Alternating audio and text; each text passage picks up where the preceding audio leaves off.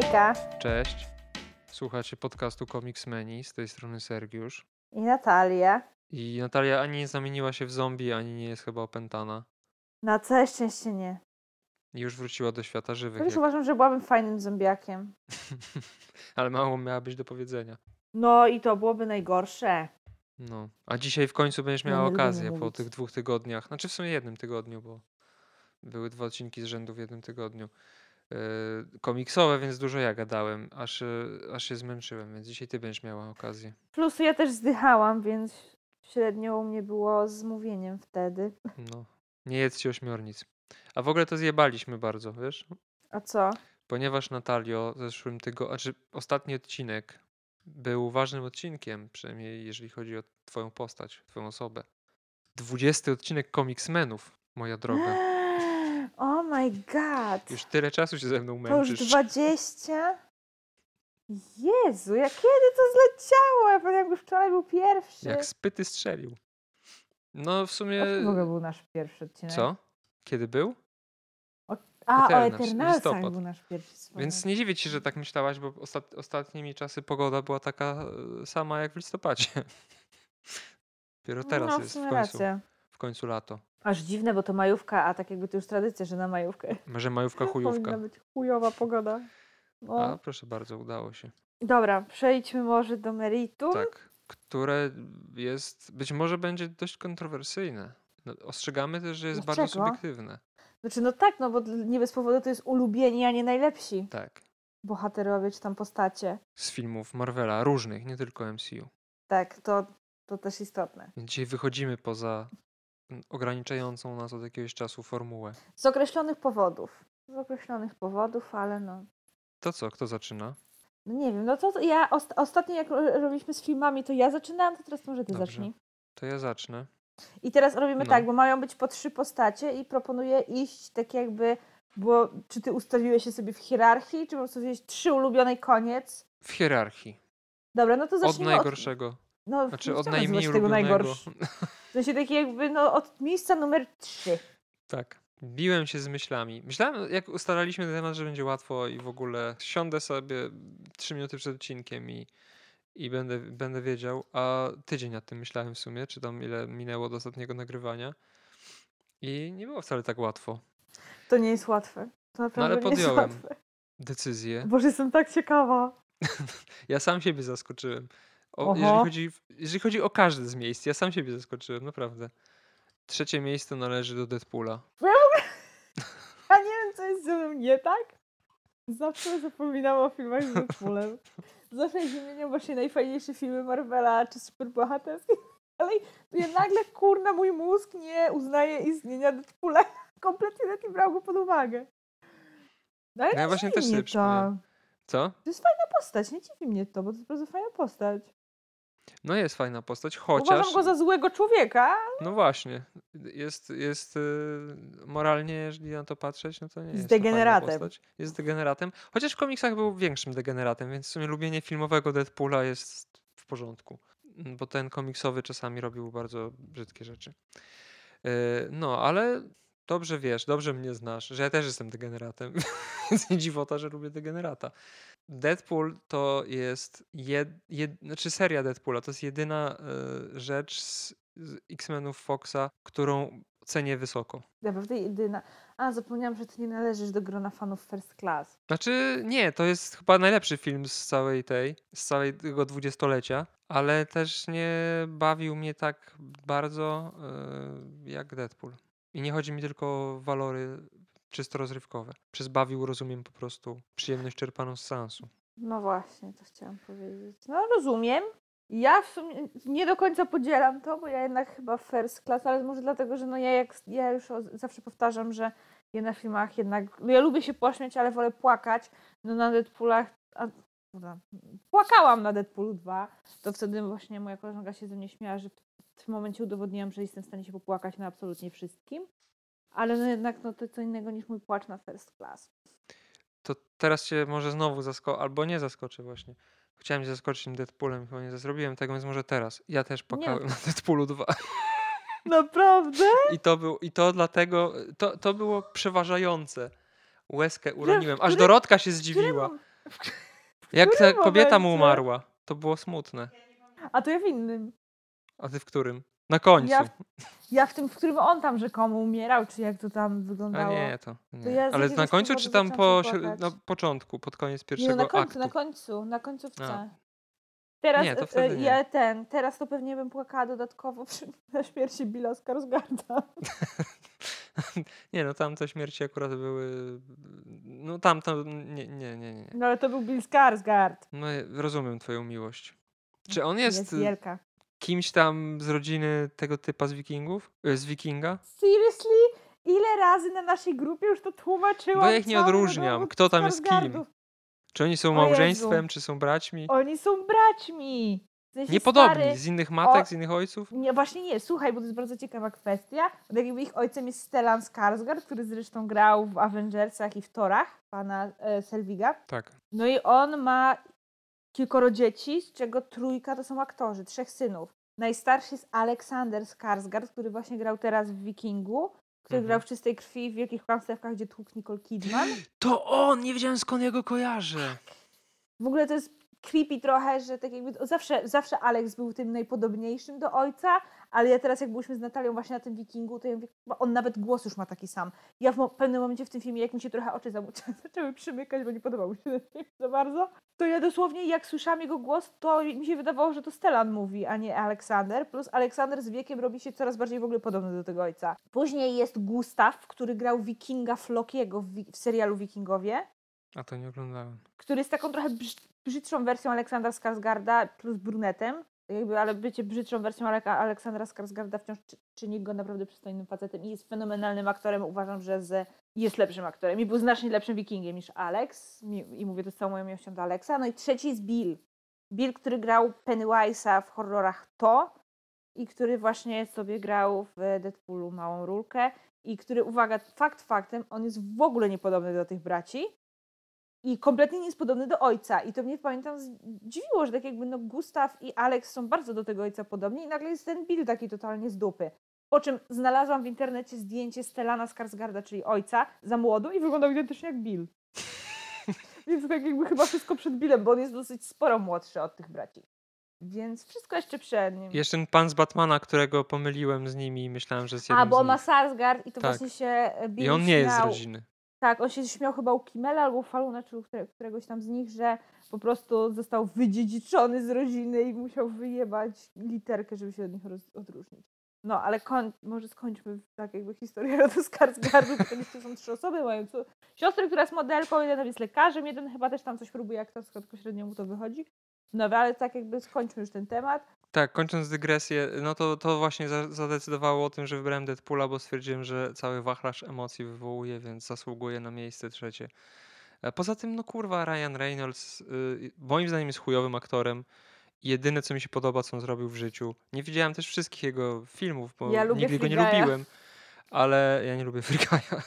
Ale Deadpool ja to jest po prostu Deadpool. On powinien grać tylko Deadpoola moim zdaniem, nic więcej, bo on jest po prostu Deadpoolem. I tyle. No i... A oglądać Bodyguard zawodowy? Tam też jest Tak. fajny. Znaczy, no tak, to, ale taki film do zapomnienia, taki. Hmm, jakbym nie obejrzał, nic by się nie stało. No ale Deadpool to Deadpool, y, szczególnie po tym, co było w filmie X-Men, Geneza, Origin, No tak. Wolverine, coś tam, historie, Gwiezdne Wojny, solo, początek. No to tamten Deadpool proszę, to... mi tu nie, proszę mi tu nie porównywać Hanna Solo do Wolverina. Te Wolverine to, Boże, ale to było ścierwo, ale to było ścierwo. Wciąż lepsze niż Morbius. W sumie masz rację, chyba, chyba tak. Chyba niestety tak. Tam to, było 2 na 10, a Morbius to jest mocno jeden. No. to- U mnie por- podobne, po- podobny poziom, ale jednak, jednak bardziej byłem zaangażowany emocjonalnie w ten film, który ma dziwny tytuł. No, ale no kurwa, no co tu, co tu dużo mówić. No, no chyba każdy, kto ogląda Deadpoola wie o co chodzi. Wszyscy lubią Deadpoola, taka jest prawda. No, śmieszne, fajne, miłe i jak się okazuje powoduje nawet wzruszenie. Zabawne, z takim zajebistym dystansem. Tak, I tyle jest tam smaczków popkulturowych właśnie, że to jest coś, o Jezu, to jest coś niesamowitego. Zwłaszcza w dwójce. Ja pamiętam, jak oglądałam tę dwójkę się tak strasznie jarałam, bo było nawet nawiązanie do zimowego żołnierza, a to jeszcze był okres, kiedy ja Bucky Barnes, the greatest love of my life. Ja czasami jestem w szoku, że moi, znajo- na- moi znajomi i moja rodzina wytrzymywali ze mną w latach 2016-18, kiedy ja miałam absolutną obsesję na Bokiego Barnesa. Taką absolutną kurwa obsesję. Że aż sobie rękę obcięłaś lewą. No bez przesady, ale, ale Boże, Ale to było blisko. chore. To było chore. Nie wiem, czy chcę wiedzieć, czy chcę znać Nie szczegóły. chcesz. Nie chcesz. E, No, Teraz to, ja? no chyba teraz ty. No ja, jak to zresztą mówiłam ci ostatnio, ja miałam największy problem z trzecim miejscem. Mhm. Bo tak jakby, jeżeli ktoś słucha naszych podcastów, to tak jakby już powinien z założenia wiedzieć, jakie są dwa pierwsze w moim przypadku. No a z tym trzecim to miałam problem spory. Miałam kilku kandydatów, wśród których, uwaga, co ciekawe, nie znalazł się Bucky Barnes. Po prostu ja sprzed kilku lat to nie byłabym w stanie coś takiego uwierzyć. Nie znalazł się tam też Steve Rogers. No, no rozważałam oczywiście Lokiego, bo kocham Lokiego, kocham Toma Hiddlestona i tak dalej, ale dla mnie Loki jest już trochę chyba zbyt wyeksploatowaną postacią. I jednak tak z perspektywy czasu stwierdzam, że stało się trochę to, czego ja się obawiałam, jak zapowiedzieli ten serial, czyli że ja mam już przesyt. Że tego Lokiego dla mnie już jest za dużo. I więc taka mój entuzjazm związany z tą postacią tak trochę mi siadł. Wciąż, znaczy wciąż go uwielbiam, tak? Wciąż uważam, że on jest absolutnie jedną z najlepszych i najlepiej zagranych przede wszystkim postaci w Marvelu. E, rozważam też Tonego Starka, który od dziwo tak jakby w ostatnich latach dość mocno zyskał na sympatii u mnie. I nie chodzi tylko o to, że nie żyje. Tak? Chodzi mi po prostu o całość tej postaci. I trochę też w sumie nie jestem w stanie aktualnie zrozumieć, dlaczego o wiele bardziej lubiłam Rogersa niż Starka. Sensie lubię obu, ale tak jakby Stark bardziej mnie trafia, ale no mniejsza o to, tak? No ja mam jakiś tam swój problem w ostatnim czasie ze Steve'em Rogersem, który będę musiała chyba usiąść i przedyskutować po sama ze sobą, no bo przecież nie ze Steve'em. Nie pójdziemy na terapię małżeńską. Myślę, że nasi słuchacze zauważyli, że masz problem ze Steve'em, bo Tak, ale straszna. ja co drugi jestem- odcinek go hejtujesz. Tak, a ja jeszcze do niedawna byłam jego naczelną fanką. Właśnie mówiąc to, opieram się o moją ukochaną poduszkę w kształcie tarczy Kapitan Ameryki.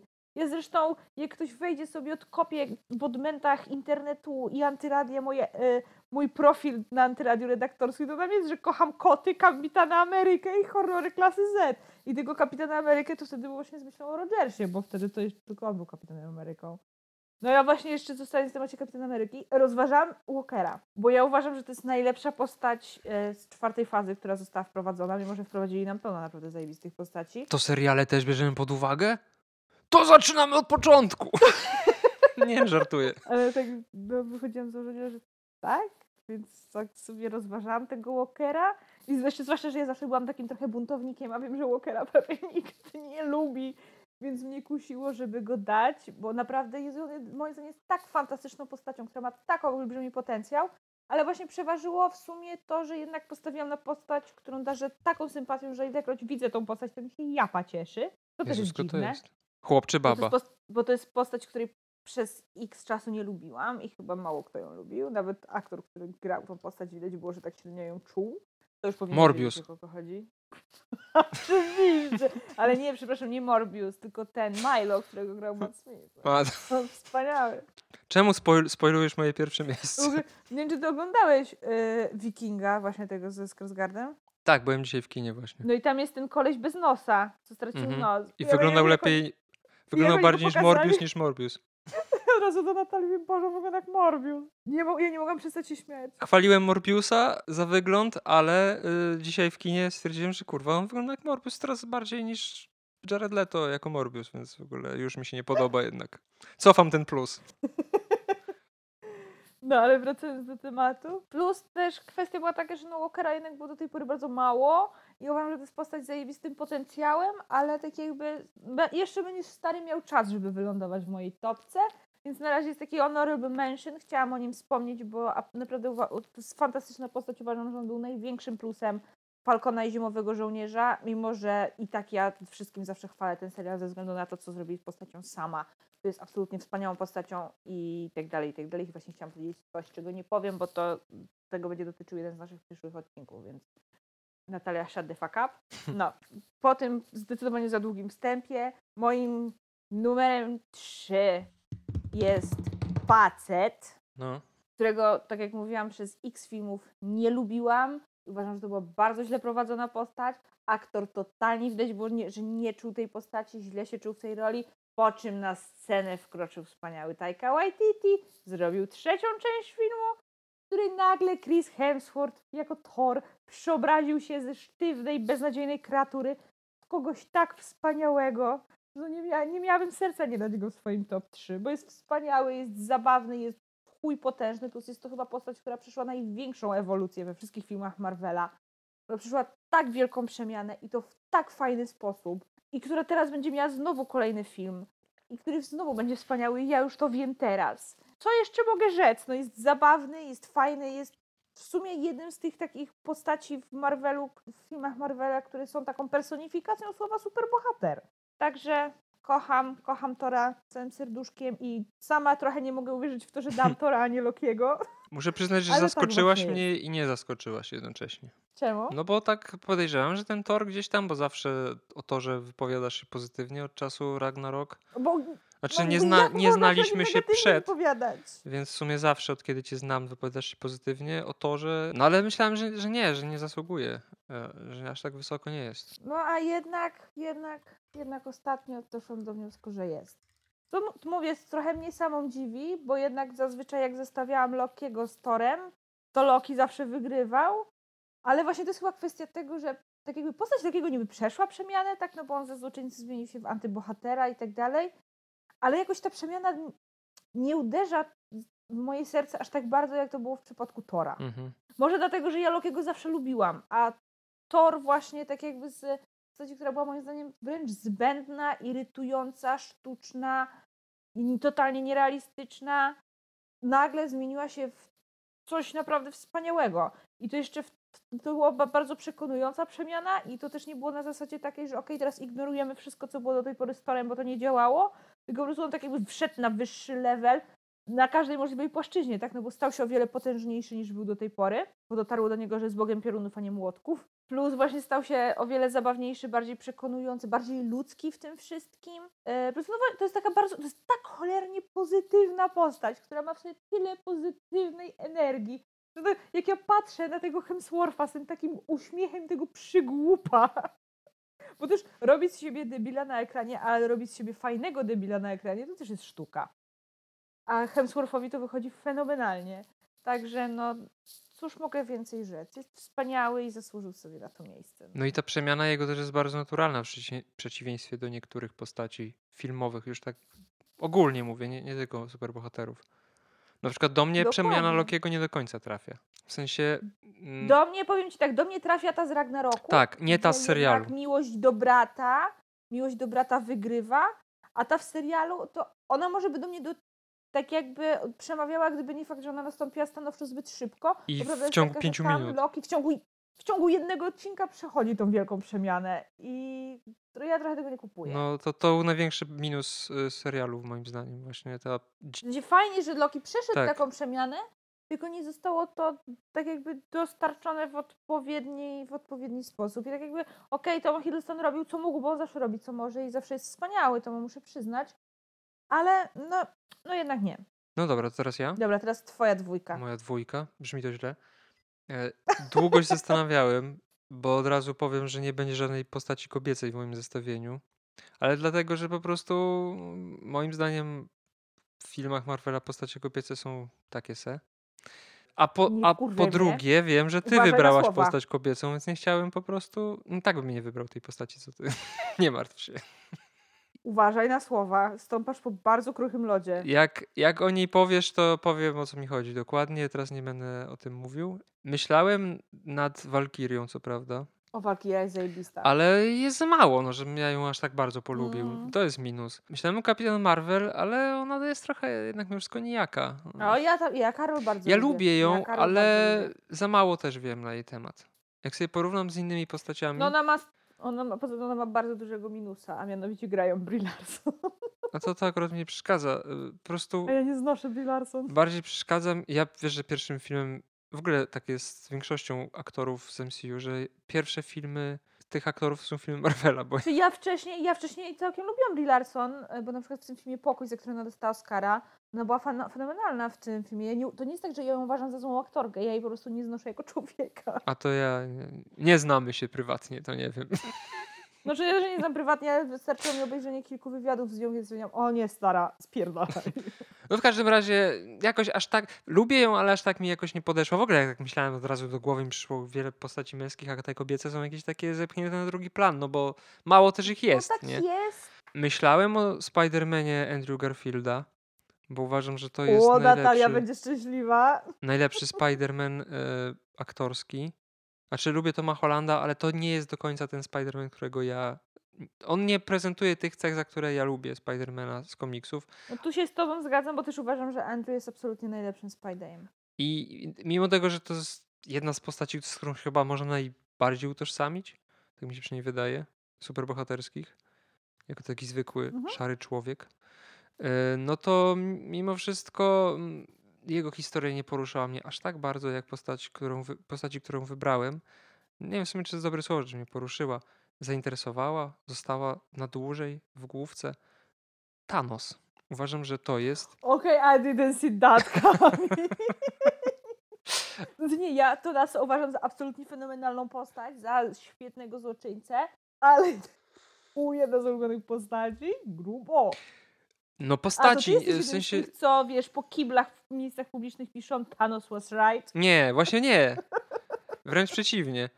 Po prostu ja szanuję za podejście do, tak, do tego typu postaci. Nie było wcześniej nigdy takiego złoczyńcy. Nawet Darth Vader, który niby jest złożoną postacią, wcale nie jest tak złożoną postacią jak Thanos, Powiem moim ci zdaniem. tak, ja właśnie, ja totalnie u Thanosa, abstrahując od tego, że ten jego plan był debilny, bo wystarczyło podwoić zasoby, mniejsza o to, tak jakby w to nie wnikajmy, to tak jakby ja kompletnie kupowałam to, że on siebie widział jako zbawcę wszechświata i w sumie tym, co mnie, dwie, takimi dwiema rzeczami, które mnie najbardziej przekonywały do Thanosa, było e, po pierwsze to, że on faktycznie był przerażający.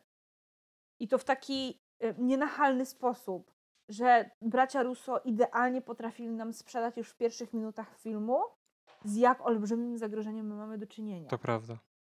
E, A druga kwestia, i to ja go zawsze będę za to wychwalać i uważam, że to go czyni jednym z absolutnie najlepszych złoczyńców w ogóle z kina, przynajmniej mainstreamowego, a nie tylko superbohaterskiego, to jest jego podejście do Avengers.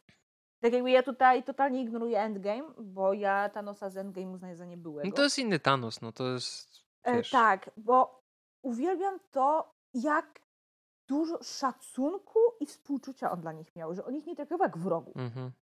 tylko jak, no okej, przeciwników, tak? Jak przeszkody on- bardziej. tak jakby, tak, on wiedział, że tak jakby, że oni w pewnym sensie, właśnie oni w pewnym sensie mieli podobny cel, tylko że jednak to się trochę wykluczało, tak, że zarówno on, jak i Avengers chcieli dobra, tak jakby dla wszechświata, tylko że rozumieli je po prostu w zupełnie inny sposób. I Thanos to też nie było tak, że on ich uważał za kompletnych debili, tylko on wychodził właśnie z założenia, że on jest jedną z nie, tych nielicznych istot, które faktycznie potrafiły się pogodzić z tym faktem, że trzeba zabić połowę istot we wszechświecie i tak dalej.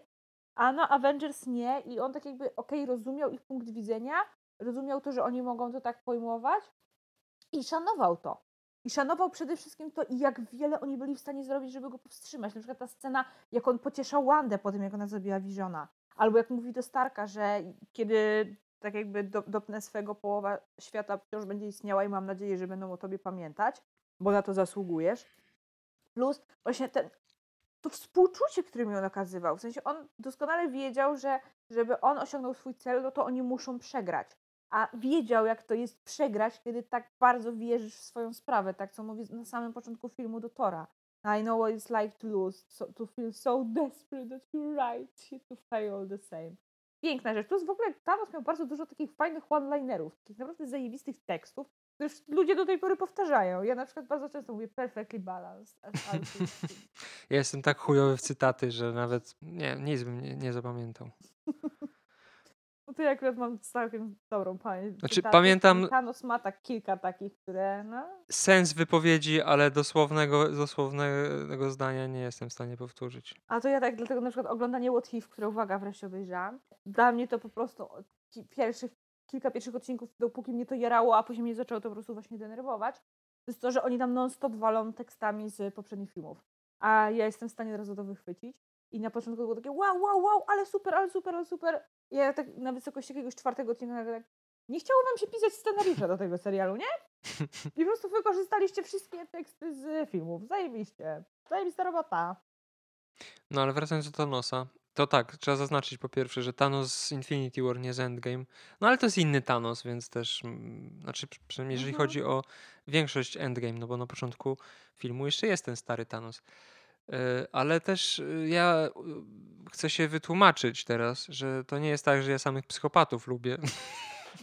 Po prostu kluczem doboru ty, tych postaci jest przyjemność płynąca z patrzenia na te postacie, z postaci i obcowanie z nimi podczas oglądania filmów. No a Thanos jest taką postacią, która, no tak jak mówiłem, dla, dlaczego lubię Infinity War? Dlatego, że jest filmem o Thanosie głównie, moim zdaniem. I jest go tam tak dużo i jest tak sprawiedliwie pokazane to, o co mu chodzi. Właśnie y, są te dwie strony zrównoważone. Z jednej strony mamy tych superbohaterów, którzy mają swój cel, a z drugiej strony jest Thanos, który ma swój cel i w sumie obie strony mają trochę racji. Mimo tego, że ja z Thanosem się nie zgadzam. Ale warto też powiedzieć, że jego Ja plan... czasami jak jadę właśnie No. przepełnionym auto, autobusem, to twierdzę, że Znaczy, gdybym ja był na miejscu Thanosa, po prostu pozbyłbym się wszystkich istot ż- myślących, wszystkich istot samoświadomych na poziomie człowieka. Bo uważam, że tutaj tkwi problem. I zostawiłbym po prostu naturę samą Ja bym po sobie. prostu podwoiła zasoby, bo tak jakby on to tym tłumaczył. No, ale to nie jest tak, że prędzej czy później to doprowadzi do takiej samej katastrofy? Znaczy, No dobra, ale zabicie połowy wszechświata, tak jakby ludzie dalej będą się rozmnażać i za x lat znowu będzie ten sam problem. dlatego wolę y, motywację Thanosa z komiksów, ale tutaj jakby też to usprawiedliwia się tym, A że on jest nie, to jest stanowczo nie. On jest po prostu szalony, no więc co z tego, że jego plan nie ma sensu? On w niego wierzy święcie i uważa, że to jest okej, więc tu jest wszystko jakby, tu nie ma ża- żadnej dziury logicznej w motywacji bohatera moim zdaniem, bo on zresztą tworzy jakąś parasektę, więc tym bardziej, to jest przecież większość y, przywódców religijnych, jakby na nich spojrzeć z boku, no to można pomyśleć, że oni są po prostu pierdolnięci i gadają jakieś bzdury, a są ludzie, którzy im wierzą, no i z Dokładnie. Thanosem tak właśnie było. E, No ale poza tym jest jako czarny charakter, tak naprawdę wcale nie jest czarnym charakterem, moim zdaniem jest, no, nie powiem No to nie, no, antybohaterem, Sorry, ale dla mnie on jest kurwa definicją zła złoczyńca. Że nawet on jest właśnie personifikacją tego tekstu, że every villain is a hero in his own mind. nie wiem, może inaczej e, definiujemy złoczyńców. On jednak mimo wszystko możliwe. chciał, I o, o, o tym zaraz też ja będę mówić. znaczy jest tam taki właśnie egoizm, że właśnie z jednej strony chciał dla wszystkich dobrze, a tak naprawdę to w sumie kurwa realizował No swoje marzenia i był, Był absolutnym tyranem. tak Jakby Daenerys w finale gry się zmieniła w Thanosa. no może i to tak. Sobie prawie dosłownie. W sumie trochę tak. Ale ja czasami uważam, że jak ktoś podejmuje za ludzi decyzje, to dla ich, dla ich dobra czasami wychodzi to na plus. To, że on się zmienił w tym endgame nie zmartwiło mnie zbytnio, bo uważam, że ta scena, w której on po prostu siada spełniony i się patrzy na e, słonko. To jest akurat Infinity War. Tak, tak, ale chodzi mi o to, że to, to było pożegnanie z Thanosem moje. Wiedziałem, że już później nie będzie takiego Thanosa, jaki był w Infinity War, że w endgame się to musi odwrócić w jakiś tam sposób. To mi, to mi wystarczyło, żeby Thanos był na drugim miejscu. Ten jeden film w sumie, bo po, poprzednie jego występy to ograniczały się do tego, że siedział na krześle i pierdolił No farmazony. tak, no. To co, teraz ty, drugie miejsce. Ja tutaj będzie podobnie. W sensie, tak jakby z, te, te, u mnie na drugim miejscu też jest złoczyńca, przynajmniej ja, bo tak, no, tak jak ustaliliśmy, ja Thanosa uważam za absolutnego złoczyńcę. Ja w ogóle doszłam, tak zauważyłam, że w sumie moja trójka ulubieńców to tak ide, oni idealnie z- idealna reprezentacja wszystkich typów postaci, w sensie był super bohater, teraz, teraz jest złoczyńca, a na no, no, miejsce pierwsze jest antybohaterka. No tutaj właśnie jest postać, którą wiem, że dużo osób nie uznaje za złoczyńcę i na przykład nasza Natalia wiecznie krzyczy, że to jest antybohater, nie złoczyńca. Dla mnie to jest absolutnie złoczyńca, bo jeżeli ktoś mówi jak Hitler, to jest kurwa złoczyńcą. Ja rozumiem, dlaczego ludzie postrzegają Magnito jako antybohatera, no bo ona, on jednak wielokrotnie walczył po stronie dobra i tak dalej, i tak dalej, ale sorry, przez x czasu był złoczyńcą pełną gębą. Co nie zmienia faktu, że znaczy moim zdaniem on jest w ogóle najlepszym złoczyńcą Marvela. Tak, absolutnie najlepszym, z całą moją sympatią do Thanosa. Thanos jest dopiero na drugim miejscu, bo jak już uznajemy właśnie Magneto za złoczyńcę, to dla mnie to jest absolutne top of the top. To jest tak genialnie skonstruowany złoczyńca, z tak genialnymi motywacjami. On jest tak przekonujący w tym wszystkim i to jest właśnie złoczyńca, któremu się tak strasznie współczuje. I przede wszystkim to jest postać, która tak strasznie dużo mówi o nas jako ludziach. Tak, że po pierwsze nietoleru- nietolerancja inności i to, jakimi potworami potrafimy być wobec tych, których nie tolerujemy. Ale też z drugiej strony to, jak łatwo ofiara może stać się oprawcą. I to, co z- zemsty, czy tam gniew, czy strach też potrafią zrobić z człowiekiem. Kiedy tak, tak, tak dosłownie y, przez swoją żądzę zemsty jesteś w stanie się zmienić w taką samą osobę, jak ta osoba, której nienawidzisz, tak? E, Magnito się tak strasznie bał powtórki z Holokaustu, tak strasznie nienawidził nazistów, a później sam przemawiał jak Hitler. I też sam tak jakby do- dosłownie głosił teorię nad człowieka, tak, że mutanci są nad ludźmi i że powinni ludziom założyć homonto i orać nimi pole. Ale no i jego backstory jest tak cholernie smutne i jak jest ta scena właśnie w First Class, kiedy on mówi, że, że całe swoje, e, że, nie, że byłem niegdyś zdany na łaskę ludzi, którzy tylko wykonywali rozkazy i że nigdy więcej. No to jest coś no, kurwa niesamowitego. To, e, tak jakby patrząc filmowo, aktorsko jest tak fenomenalnie zagraną postacią przez obu tych aktorów, gdzie tam, jak ja ich nazywam, stary pan Magnito i Magnito Fassbender, tak? Stary pan Magnito, on ma w sobie taką, jest taki dostojny, w taki niewymuszony sposób i ma w sobie takiego powera, który sprawia, że wzbudza taki straszny respekt, a przy tym jest tak cholernie zabawnym kolesiem. A z kolei Fassbender, no to abstrahując od tego, że no tak, jestem tylko kobietą, jest kurwa piękny, to jeszcze on, on bardzo mocno gra tego Magnito jako tą, właśnie taką postać tragiczną, tak bardzo emocjonalnie. I, och, ileż ja łez wylałam. No tylko miał jednego minusa, tak jakby kocham pana, panie Fassbendera, ale proszę nigdy więcej nie mówić po polsku. Właśnie miałem zapytać, czy to brać pod uwagę.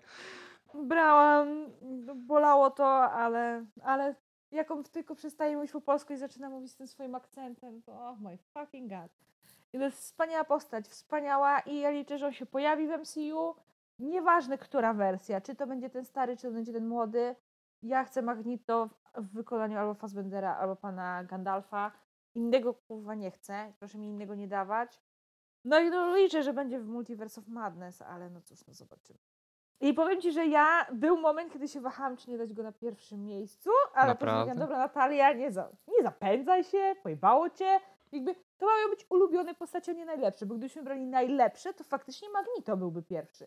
Ale jeżeli chodzi o ulubione, no to no nie, no, no nie.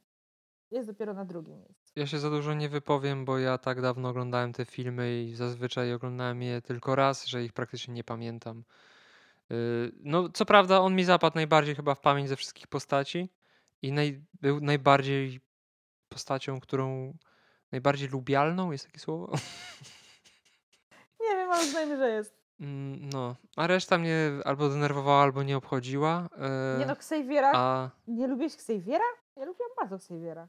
Mm, Ja w ogóle widziałam właśnie, jeszcze właśnie a propos mojego ulubienia do Magneto, widziałam w internecie jakiś tekst, gdzie ktoś tak jakby porów- porównywał właśnie Xaviera i y, tam było napisane, że e, a, że Xavier widział ludzi takimi, jakimi chciał, żeby byli, a Magneto widział ich takimi, jakimi byli naprawdę. I ja się z tym do końca nie zgadzam, bo jest to duże uproszczenie i przede wszystkim bardzo krzywdzące dla nas jako gatunku ludzkiego.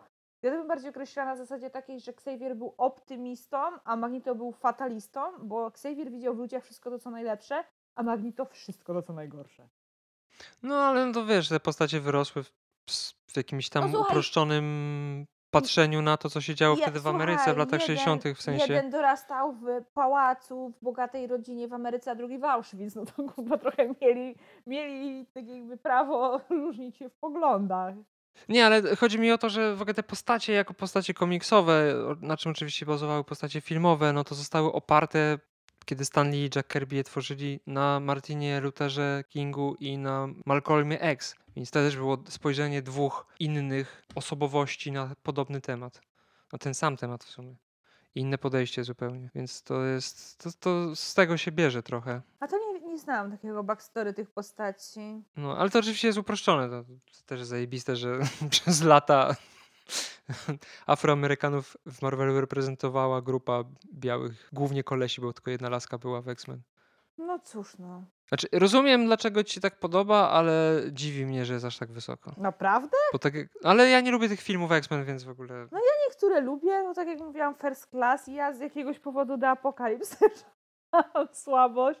Ale to myślę, że gdyby wyciąć z tego filmu wątek Magneto, to automatycznie by moja ocena poleciała bardzo w dół. Bo Magneto jest fenomenalny w tym filmie, mimo że właśnie tam mówi po polsku. Ale scena jak rozpiernicza Auschwitz uwielbiam. Uwielbiam. To nie wiem, czemu jesteś zdziwiony. Przecież ja już x czasu pierdzielę o tym, jaki to jest Ja wiem, ale myślałem, że, że ten, że nie zarobił w tak krótkim czasie, bo ty dopiero niedawno obejrzałaś te filmy, prawda? Tak, tak. Dopiero jak I- miałam COVID. Więc, więc myślałem, że nie, nie do... Znaczy ja nie do... Apokalips i First Class kiedyś tam oglądałam, ale to było na zasadzie, Mhm. wiesz, jednym okiem, a drugim okiem malowałam paznokcie. I w zasadzie ja jedyne, co pamiętałam z tych filmów, to... No to ja wiesz, ja ogarniam mniej więcej o co chodzi w X-Menach, bo jako dziecko oglądałam kreskówkę, tak? Mhm. Ale no tutaj z tych filmów to w zasadzie jedyne, co mi zapadło w pamięć, to to, że Magneto był bardzo przystojny. I że bardzo niefajnie, nieładnie mówił po polsku. I to było w zasadzie jedyne, co pamiętałam z tych filmów. Więc no, korzystając z COVID-u i tego, że mój mózg nie był w stanie przyswoić niczego na wysokim poziomie artystycznym i wymagającego, to sobie zrobiłam maraton wszystkich filmów. Do tej pory mnie boli to, że obejrzałam te cholerne Wolverine i straciłam kurna tyle godzin życia. Ale no, no ja nie jestem hejterką, nie uważam, żeby to były Bóg wie jak wybitnie dobre filmy, ale bawiłam się dobrze. Czaj, po prostu jestem zaskoczony, że w tak krótkim czasie tak wysoko zaszedł chłopaczyna. To znaczy, że naprawdę musisz go lubić. No to chyba świadczy o tym, jaki jest wspaniały.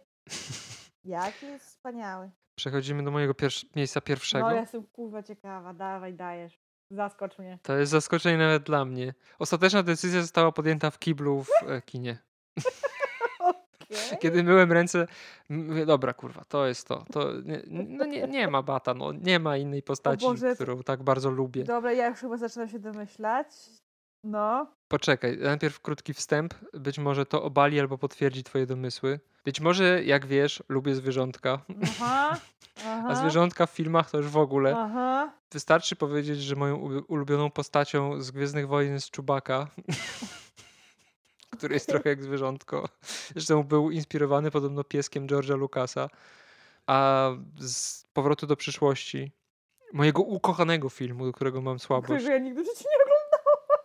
Nie wiem, jak to, ci, to, ci, to ci zareklamuję tym, że ulubioną moją postacią jest piesek, który tam się pojawia o A, imieniu lubię Einstein. Lubię pieski. Pieski są fajne. Ale nie umiera ten piesek, bo jak umiera, to nie chcę tego oglądać. Nie, nie, nie. Znaczy jeden umiera, ale to po prostu dlatego, że są podróże w czasie i on ze starości po prostu go nie ma w pewnym momencie.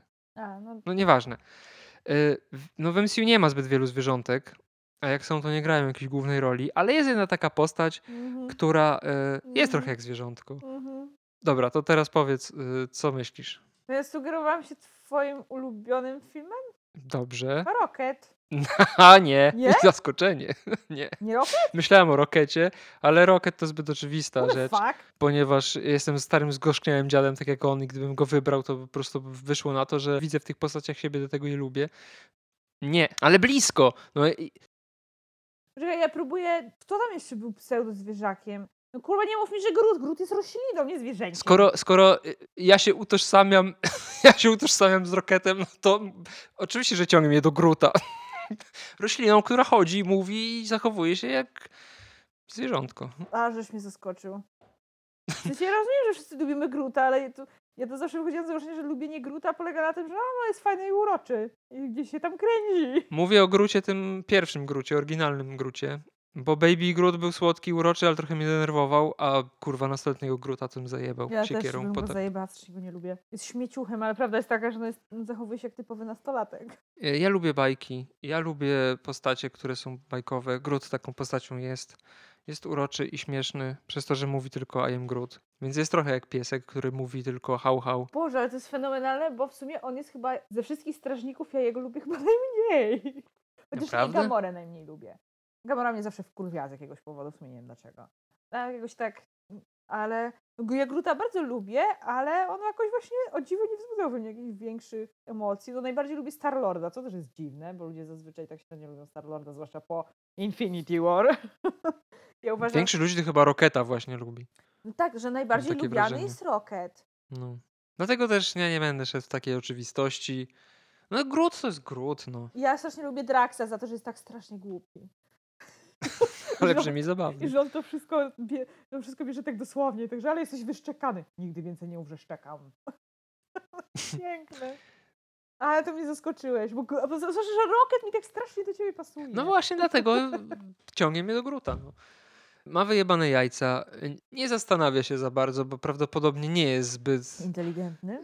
intele, i- inteligentny, nie jest jakimś intelektualistą. Po prostu sobie żyje zgodnie z naturą. Ja szanuję takie podejście do życia. Właśnie to jest to, to, ten element zwierzątkowy w grucie, moim zdaniem, że to jest takim po prostu towarzyszem, kompanem fajnym.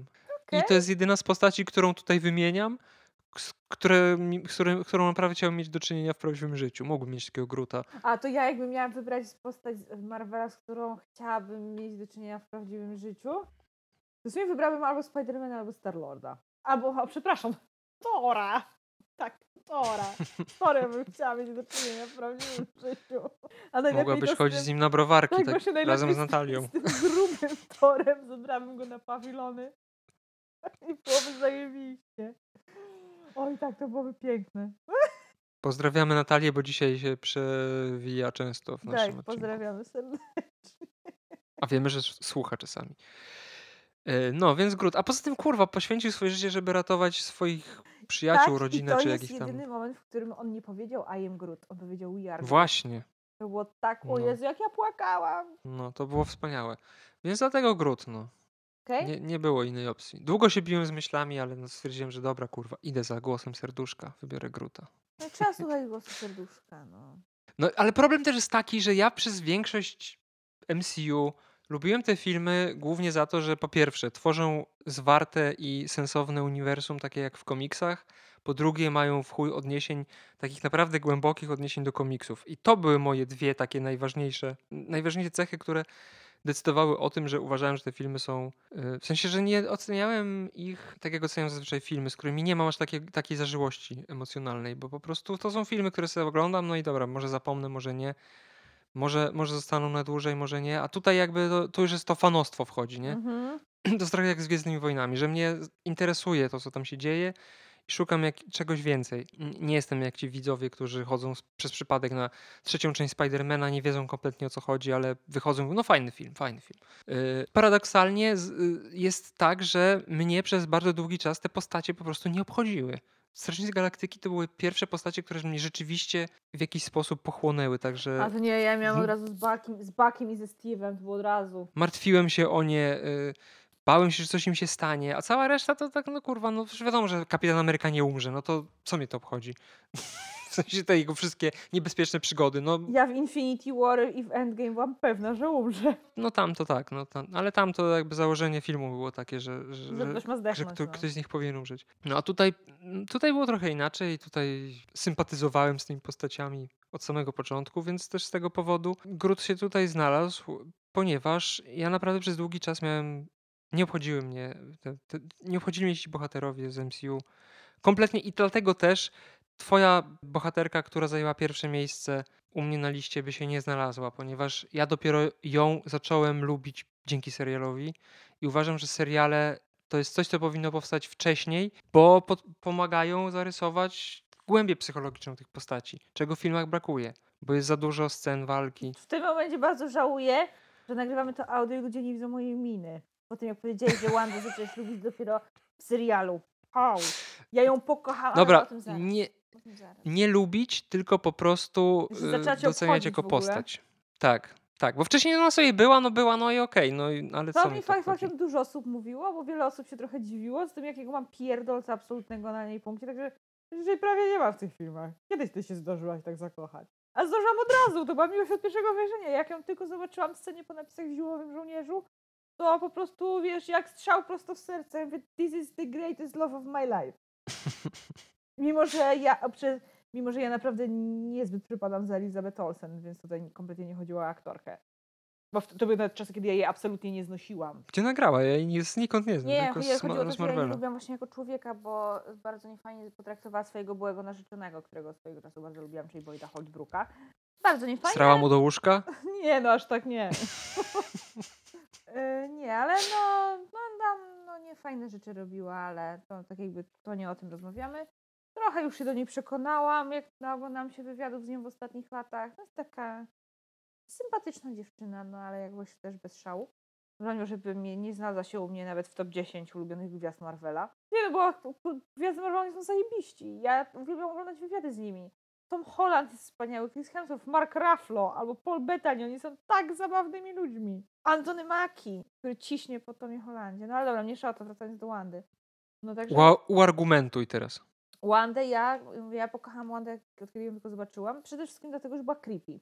A ja lubię creepy. A ona jest naprawdę zajebiście creepy w tej scenie po napisach Zimowym Żołnierzu. I później jak jest początek czasu Ultrona jest jej spod, pierwsze spotkanie z Kapitanem Ameryką, co oni nagrali Lizzie, jak ona wychodzi z drzwi i puścili to tak jakby od tyłu. To, Mhm. taki, ona mi wtedy przypominała dziewczynkę z ringu, właśnie Samarę. Ja się Samary bardzo boję. A ja lubię się bać, więc no, ona miała taki bardzo creepy, creepy vibe. I Tak. właśnie teraz jak oglądałam What If, to bardzo mnie rozbawiło, to chyba był tekst Antmana, jak on ją nazwał, a ta gotycka laska. I Tak, Boże, myślałam, że jestem jedyną osobą, która zwróciła na to uwagę, że ona wyglądała jak taki mokry sen wszystkich gotyckich lasek tym czasie Ultrona. I trochę, trochę mi brakowało tego, że oni później trochę od tego odeszli, że ona się już trochę normalniej ubierała. Że nie, żeby się nienormalnie umierała. tak? Dorosła, wyrosła po prostu. Tam jeszcze na początku Civil War to jeszcze był trochę ten vibe taki.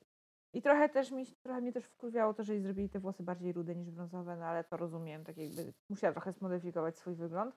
No, ale to była bardzo fajna postać, która została wprowadzona właśnie jako złoczyńca, ale ostatecznie przyszła na stronę naszych i to, tak jakby to, że, o, to, że ona stała początkowo po stronie Ultrona też było uzasadnione.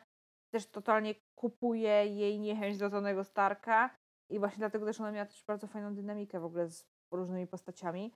Bardzo fajną miała relację ze Steve'em, bardzo fajną miała relację z Hawkeye'em, z Nataszą miała dosyć ciekawą relację, bo ja zawsze odnosiłam wrażenie, że ta Natasza to ją traktuje jak taką młodszą, wkurwiającą siostrę, której w sumie to nie lubisz, no ale wypadałoby się o nią zatroszczyć. Na przykład zawsze żałuję, że wycięli z czasu Ultrona tą scenę, jak Natasza się pulta o to, że Wanda ma na sobie jej kurtkę. To było tak randomowe, ale tak fajne, tak przyziemne. No i Wanda jest bardzo tragiczną postacią, a ja uwielbiam postacie, przy których ja sobie mogę popłakać.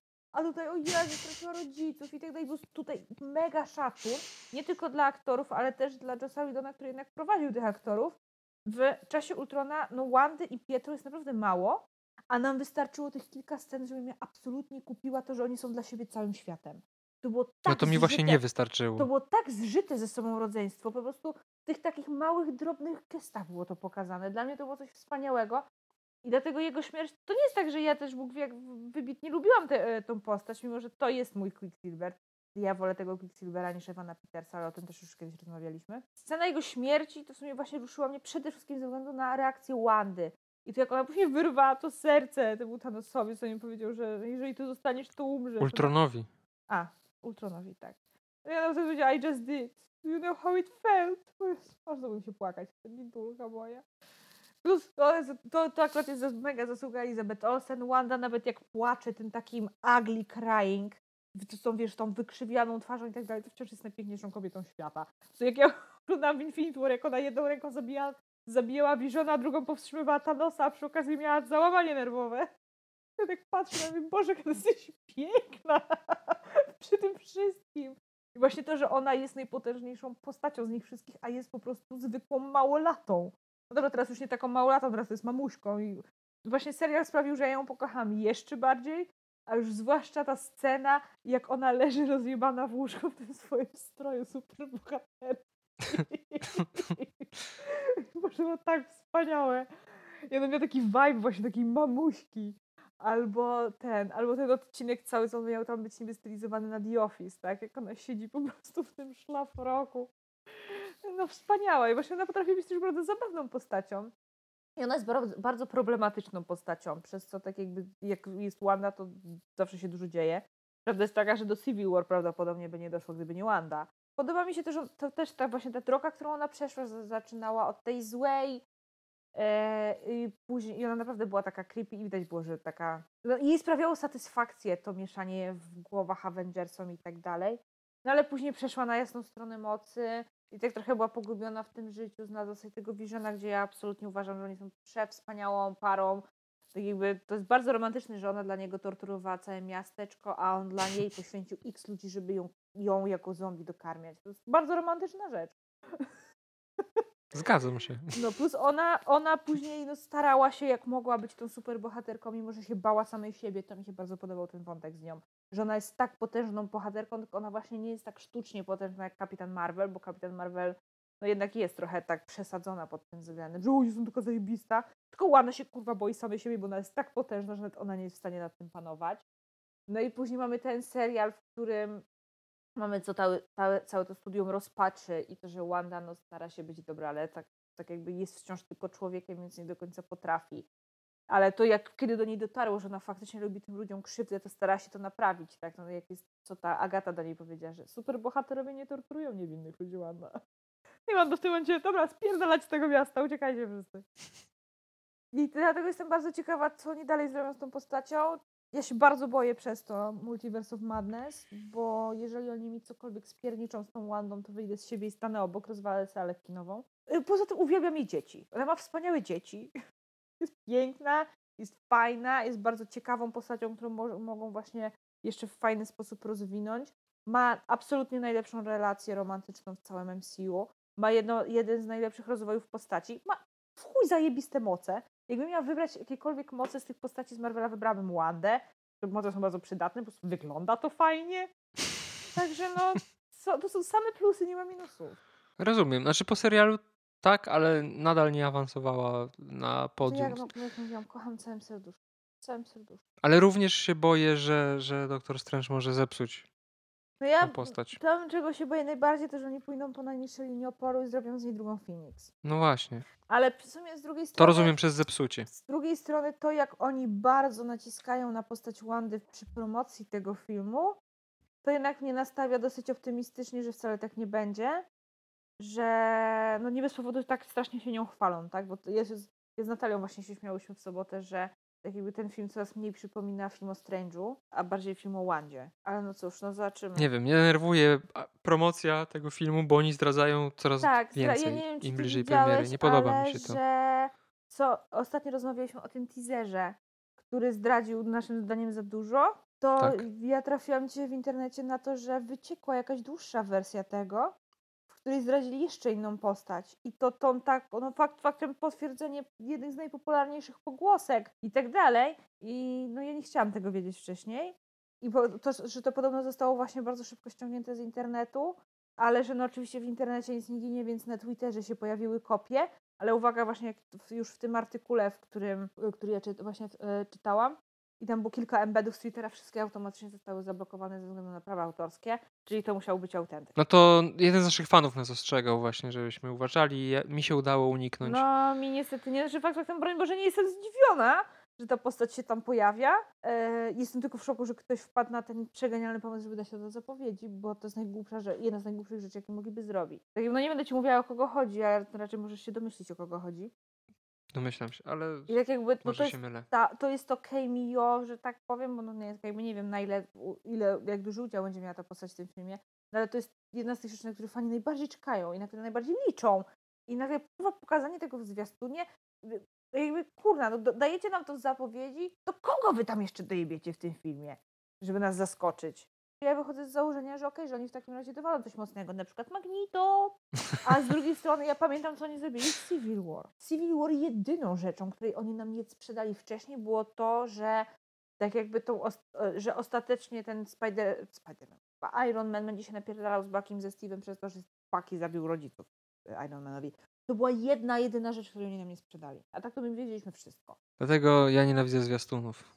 I czasami żałuję, że pracuję gdzie pracuję i muszę je oglądać, bo tego wymaga ode mnie moja praca. No cóż, no. Ja sobie nie wiem, po cholerę ja weszłam w ten dzisiejszy artykuł. Ja chyba tam wyszłam z założenia, że tam będzie po prostu już o tym, o czym my wiedzieliśmy, tak, o czym rozmawialiśmy ostatnio. A tu kuma niespodzianka zostaje w twarz. Aha, to zajebiście. Ja szukając rano tematów do, do pisania, jak widzę, na przykład zdarza mi się z Moon Knightem tak, że nie jestem na bieżąco przez ostatnie dwa tygodnie. Ja obejrzałam ani sekundy. To się spiesz, bo Ja niedługo wiem, będziemy wiem, omawiać. Ja, go obejrzę, ja go obejrzę tak jakby ciągiem. Taka mała zapowiedź. Jak już wyjdzie wszystko, to sobie wszystko pochłonę. Jak widzę tylko y, zdjęcie z Moon Knighta, to od razu skroluję w dół Mhm. szybko, żeby nie wiedzieć, co tam chodzi. Tak, tak się natknąłem na kilka spoilerów, ale to przez własną głupotę, że po prostu, przez własne lenistwo w sumie, że nie chciało mi się oglądać y, w terminie. No ja dlatego się bardzo cieszę, że idziemy na pokaz prasowy tego Strange'a, bo jakbym ja miała iść do kina w dzień premiery, czyli na zasadzie tak jakby jestem osobą pracującą, więc poszłabym po pracy, ja, ja bym nie wytrzymała. Ja bym nie wytrzymała i ja bym znalazła spoilery w internecie. Bo ja tak zrobiłam z Endgame, więc znam siebie za dobrze. Po co? Po co psuć sobie zabawę? Bo ja nie potrafię wytrzymać. Ja nie potrafię wytrzymać. Nie umiem, nie umiem i koniec, no. Ja mam takie, takie ćwiczenie, groszek, mój piesek jest niecierpliwy. jest takie ćwiczenie, że bierzesz, bierzesz smakołyk i tak każesz mu na przykład usiąść i mówisz do niego czekaj, czekaj. I on wtedy się uczy Nie. cierpliwości. Może powinien Nie, spróbować. nie. Polecam. Skoro na groszka podziałało, no zdjęcie, zdjęcie Magnito ktoś by ci tak nad głową zawiesił i powiedział czekaj, czekaj. Znaczy, no, ja cały czas zapowiadam, że ja wiem, że to nie jest normalne ja zawsze ta ludzi hejtuję, jak tak robią, ale ja naprawdę będę ciut mniej będzie mi się podobał ten film, jeżeli tego Magnito w nim nie będzie, no. Bo to on się, on się aż prosi. Zawsze możesz, zawsze możesz się y, pocieszyć tym, że w przyszłości, mam nadzieję, będą filmy o X-Men i ale to nie wiem wtedy, czy No. powróci Michael Fassbender, czy dadzą No kogoś powiem ci innego. tak, ja, n- no ja jestem bardzo przywiązana do dwóch panów Magnito, których już mamy i uważam, że tak jakby m, po co szukać kogoś nowego, skoro mamy dwa ideały. Ja nie jestem w ogóle, jestem za tym, żeby całkowicie Nie. zrebootować wszystkich X-Men i obsadzić wszystkich A to nie, to kompletnie od ja, to początku. ja absolutnie nie. Jeżeli oni to zrobią, to, to kurwa, bo ja zadzwonię do tego Kevina Feige i mu powiem I'm gonna find you and I'm gonna fucking kill you. Sorry, ale Teraz żałuję, że miałaś COVID i nie, oglądałaś no, te tak jakby, filmy. No ale ma, tak jakby właśnie Magnito jest tak zajebiście zagraną postacią. Tak samo Profesor X, Wolverine. I e, tak jakby historia Magnito w tych filmach mi się tak strasznie podoba, że jakby mi ktoś teraz jebnął w twarz tym, że to sorry, ale to nie miało, rac- nie, to nie miało miejsca i teraz Magnito, No miało w innym uniwersum. teraz Magnito zagra nam kurwa Chris Pine. Tak? O Boże, to, o Jezu, to byłby koszmar, nienawidzę No, Chrisa Pine'a. nie no, bez przesady. No. Fujka. Y. Kurwa, ale ja mam nadzieję, że oni nie wykupili tego Foxa tylko po to, żeby w Doktorze Strange'u Patricka No Stewarda dlatego wrzucić. właśnie... tak I że powiedzą, dobra, ja tych mutantów, nie będziemy robić. Mnie by ucieszył którykolwiek Magnito, ale jednak no przyznaję, że dla mnie Fassbender miałby więcej sensu, bo jest młodszy i mógłby dalej grać w MCU po prostu. Ale no cóż, zobaczymy. No może po prostu go obsadzą ponownie, ale zrobią trochę tak jak mam nadzieję z Daredevilem, czyli po prostu jest ten sam aktor, ale gra tę postać no, od początku. Mnie to wciąż by nie... To, byłby, to byłoby wyjście satysfakcjonujące nas oboje? Znaczy ja, powiem ci tak, ja jedyny, ja bym to zaakceptowała tylko w momencie, kiedy to byłoby na zasadzie jak z wariantami, tak, że to jest tak jakby, tak jakby były różne warianty Lokiego i jeden też wyglądał jak Tom Hiddleston. Czy to było na przykład na takiej zasadzie, że mamy tutaj Magnito nie tego z uniwersum filmów X-Menów granego przez Fassbendera, ale takiego z drugiej strony też wiemy, że ten, który jest z uniwersum X-Menów z tych filmów, on też sobie gdzieś tam istnieje, tylko to jest jego alternatywna wersja na takiej zasadzie. Że tak jakby uznajemy, że wciąż tamten Magnito też miał rację bytu. To tutaj ewentualnie bym się bym na Znaczy- to przystała, ale no ja mówię, ja jestem bardzo przywiązana do tego Magnito z tych filmów i ja nie chcę, żeby oni mi go zabierali. No w tym momencie chyba tak już jest, skoro Spider-Man 3 to potwierdził. Chuj wie. A jeżeli tu Patrick Stewart jest w, te, w tym filmie, w sensie w Doktorze Strange'u 2, no to wychodzi na to, że wszystkie filmy Marvela, które zostały stworzone, Są kanonem. są częścią MCU, tylko są z, Tak. z alternatywnych światów. Więc o, o to się nie musisz martwić. No ale wciąż nie chciałabym, żeby mi dali nowego, totalnie nowego Magnito, tak? No nie wiem, no. Dobra, Kevin, Feige, dawaj tych X-Men, bo za dużo mamy postaci związanych z, z Avengersami podczas omawiania komiksowych bohaterów. Brakuje mi mutantów, dawno nie robiliśmy nic. Znaczy, z, to, z tobą chyba żadnego Nie. mutanta nie robiliśmy, Nie. No właśnie. Trzeba to zmienić. Ale jak tu zmienić, jak już plany na... Słyszałeś, że na 10 lat Marvel już sobie Tak. tam rozpiskę Tak, i zrobił? ja czekam, aż mi ogłoszą film o Star Foxie. I w ogóle, a Wolałbym właśnie, ja serial też bym chciała Star Foxa w, w, w, Multiverse of Madness. Ja chcę, żeby Star Fox był teraz wszędzie. Ja też o tym mówiłam. No, na razie się nie sprawdziły nasze przewidywania dotyczące Star Foxa. Nigdzie się nie pojawił jeszcze. Mam nadzieję, że to nadrobią. Ale Panie. Feige, proszę dawać jak najwięcej. Ja rozumiem, że Harry Styles jest zapracowany. Ja to rozumiem, ale gówno mnie to obchodzi. Podpisał kontrakt, podpisał. Niech mi teraz gra wszędzie, gdzie się da. Choćby małe rulki. A właśnie, czemu Star Foxa nie ma na twojej liście? Myślałem, że będzie na trzecim miejscu. No, się pojawił w jednej scenie. No to Jeszcze co? nie wiadomo, czy filmowy Star Fox będzie tak zajebisty jak ten komiksowy, więc wszystko przed nim. Groot mówi tylko I am Groot, a jest na pierwszym miejscu u mnie. Tutaj mamy chyba I co gorsza, inne... dubbinguje go Vin Diesel. Tak, ja nienawidzę Wina Diesela. Człowiek, który mówi głosem trak- traktoru. Traktora? Traktorego? Którego? Już mamy trochę inne chyba kryteria doboru, po prostu tych ulubionych postaci i to jest kwestia tego. Chyba tak. No dobra, to co? Zapraszamy na nasze media społecznościowe? To weź teraz ty, bo mi się już nie chce powtarzać w kółko tego samego. No, komentujcie, dajcie znać, na ile się zgadzacie z, z naszymi wyborami, albo kogo wy byście wskazali jako swoje ulubione postacie Marvela. No, słuchajcie nas, subskrybujcie i co tam się jeszcze robi. Boże, chujowa byłaby ze mnie influencerka, ja nie umiem w takie rzeczy. I polecajcie. Polecajcie rodzinie i znajomym oraz obcym ludziom na Dokładnie. ulicy. Podchodźcie i mówcie, wiesz kurwa, słyszałeś o takim podcaście, podcaście Comicsmeni? Słuchaj, polecam. Piotr Franczewski. Dokładnie, także no, róbcie wszystko, co wam kazałam zrobić i dawajcie znać, Kazałam, bo jestem... bo jak nie, to Natalia was znajdzie Dokładnie. i zapierdoli. I da, naprawdę dawajcie znać w komentarzach o wasze ulubione postacie, bo jestem bardzo ciekawa, chociaż z jakiegoś powodu wychodzę z założenia, że co druga, co druga odpowiedź to będzie Spider-Man. Ja nie znam nikogo, kto nie lubi Spidermana. No to jest postać, której się nie da nie lubić.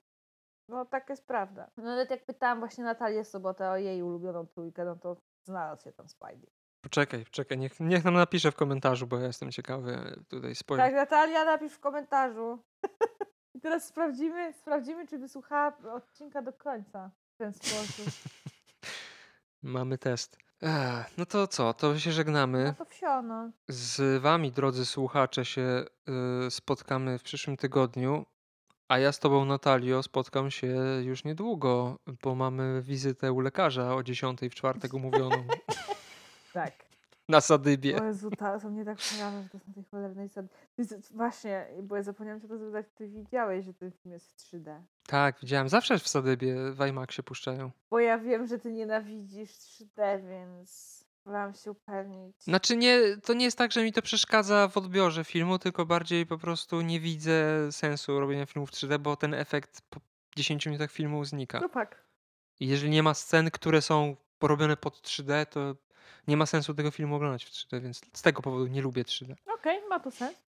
Ja nie lubię IMAXa, bo jak mówią, że o, to jest IMAX, usłyszysz spadającą szpilkę i wybuch samolotu i coś tam, coś tam, to mi bębenki rozrywa, bo to jest za głośno moim zdaniem. Nie, ja nie lubiłam swojego czasu 3D ze względu na to, że to 3D było na tyle chujowe, że ono nie nadążało. I na przykład właśnie jak ja oglądałam Civil War 3D, to jak były sceny akcji, to się ekran rozmazywał. Ja to zwalałem na swoje, swoją ślepotę po prostu. No to nie, ja zwalałam to na ekran. Dobrze, że mnie pocieszyłaś. A może ty miałeś rację, nie ja. Mam nadzieję, że ty. Ale ja z, mam tendencję do obwiniania wszystkich tylko się siebie.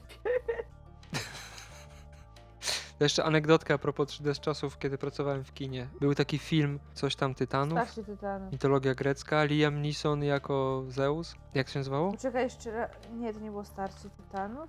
Czy Starszy Tytanów? Starszy Tytanów z 2010 roku? Clash of the Titans chyba po Liam, angielsku. tak, Li, e, Liam Neeson jako Zeus. Ralph Fiennes jako Hades. Mm. I ten film był w 3D. Nie oglądałem, e, pracowałem wtedy w kinie i, i ten film leciał w 3D i w 2D. I raz komuś z moich kolegów się pojebało i rozdawał okulary na film 2D i nikt tego nie zauważył, że ten film nie był wcale w 3D. O jest. Ludzie wychodzili i oddawali okulary jak gdyby nigdy nic. Więc to jest właśnie, to jest potęga 3D. Okej. To No, to tym y, humorystycznym akcentem możemy się pożegnać i zaprosić na następny odcinek, który prawdopodobnie domyślacie się o czym będzie. No, raczej tak. Więc jeżeli nie wciągnie nas w multiversum obłędu, to, to nas usłyszycie. Ulubione słowo obłęd, jest tak piękne. No, także buziaczki, pa pa. Cześć.